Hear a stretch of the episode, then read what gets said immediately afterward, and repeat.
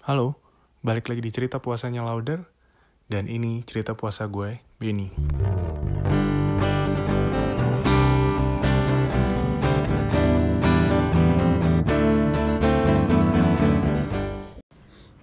Halo, udah balik lagi ternyata ke giliran gue ya. Gue udah mulai kehabisan ide nih. Mau menceritakan apa ya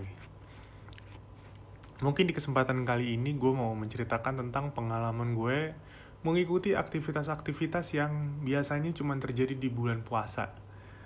Jadi gue datang uh, dari sebuah, jadi sebelum gue pindah ke rumah gue yang sekarang, gue tuh tinggal di lingkungan yang mayoritas uh, agamanya Kristen. Jadi gue nggak pernah tuh punya pengalaman uh, selama bulan puasa tuh ngapain aja gitu. Terus pada akhirnya gue pindah ke sini ke daerah tempat tinggal gue sampai sekarang. Terus dari situ gue punya gue mulai punya temen yang uh, beragama Islam gitu.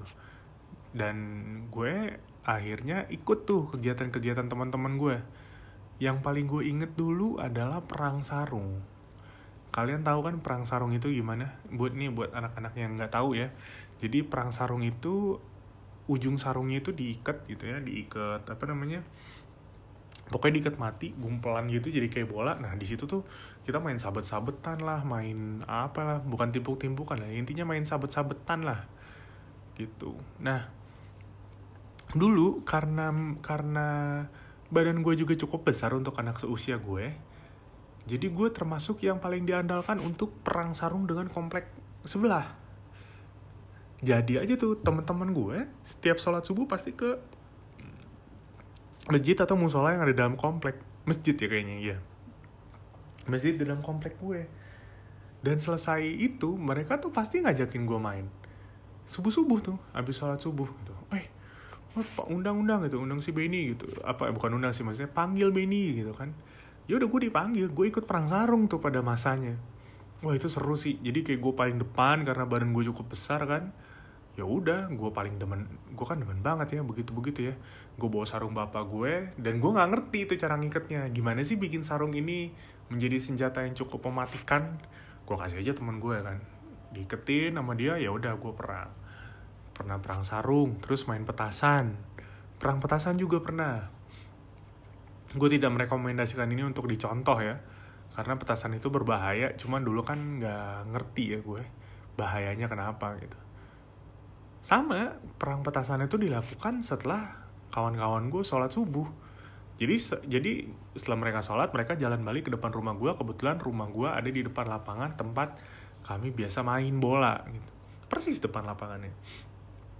Dipanggil ya udah gue ikut gue ikut dan gue main perang sarung. Terus yang gue inget juga di tahun yang lain gue ikut uh, merayakan malam takbiran jadi waktu kecil uh, main obor-obor gitu ya. Jadi uh, di tahun kayaknya awal awal awal 2000-an daerah rumah gue itu mungkin masih bisa dibilang daerah pinggiran kota ya bukan Jakarta gitu ya. Di pinggir jadi nuansa kampungnya tuh masih kental lah menurut gue. Jadi teman-teman gue itu ketika malamnya mau takbiran kami anak-anaknya eh, anak-anak kecil itu tuh bikin bambu-bambu buat obor gitu. Kita susun keliling apa lapangan bola terus kami bikin sendiri-sendiri untuk kami pegang. Nah gue excited banget tuh di situ maksudnya gue nggak pernah tahu sih gimana cara nyalain obor. Terus kok bisa nggak sih gue megang obor nggak kepegang? Apa megangnya gimana? Tumpah apa enggak gitu. Terus teman gue ada yang bilang ya udah nih ayo kita cari bambunya. Ya terus kita cari. Bahkan dulu dekat rumah gue ada hutan bambu kecil sih nggak gede.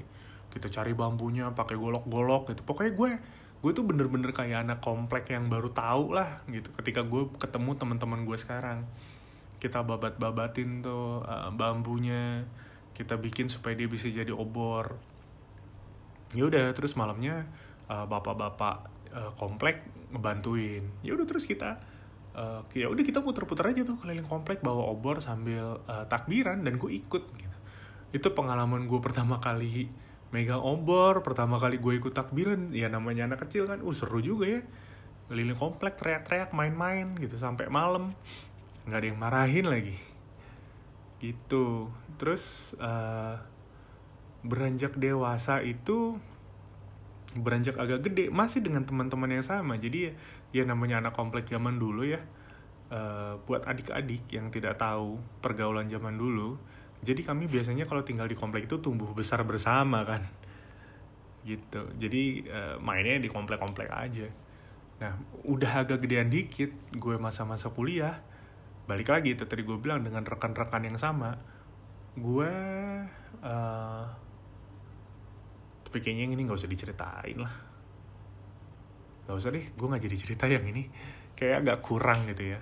Ya pokoknya uh, gue mengalami budaya yang menarik ya selama apa kegiatan-kegiatan yang bukan budaya ya kegiatan-kegiatan yang yang menarik yang biasanya cuma dilakukan oleh anak-anak di bulan Ramadan gitu dan untuk gue yang tadinya tinggal di daerah yang sedikit uh, apa di daerah yang banyak orang Kristennya itu tidak pernah mengalami sebelum pindah ke sini. Nah, sejak gue pindah ke sini setiap tahun ada aja tuh yang baru yang pengalaman baru buat gue.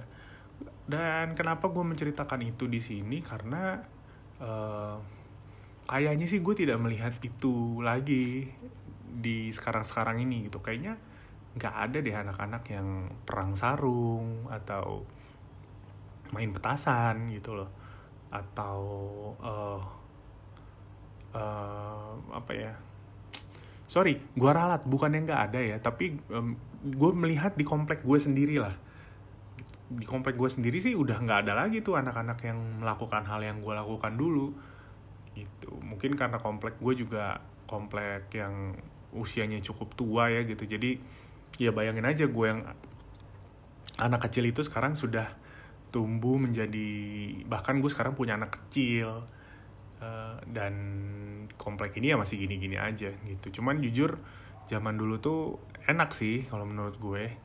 Uh, gue yakin masih banyak lah uh, anak-anak lain di mungkin nggak di kota besar ya tapi di di daerah-daerah gitu yang apa yang masih melakukan tradisi itu. Contohnya dulu gue pernah tinggal di Pekanbaru gue inget juga malam takbiran itu ya sama setiap lapangan kosong dihias pakai obor gitu yang menurut gue indah sekali gitu ya bagus banget. Itu ketika gue kerja di Pekanbaru itu gue lihat oh ini nih budaya yang dulu gue lakukan gitu. Cuman ketika gue lihat sekarang terutama di komplek gue ya itu sudah tidak ada lagi. Itu mm, nice memory to have lah ya. Begitu. Mungkin itu aja sih cerita gue kali ini. Uh, ya terima kasih udah dengerin dan sampai jumpa di cerita gue berikutnya. Ciao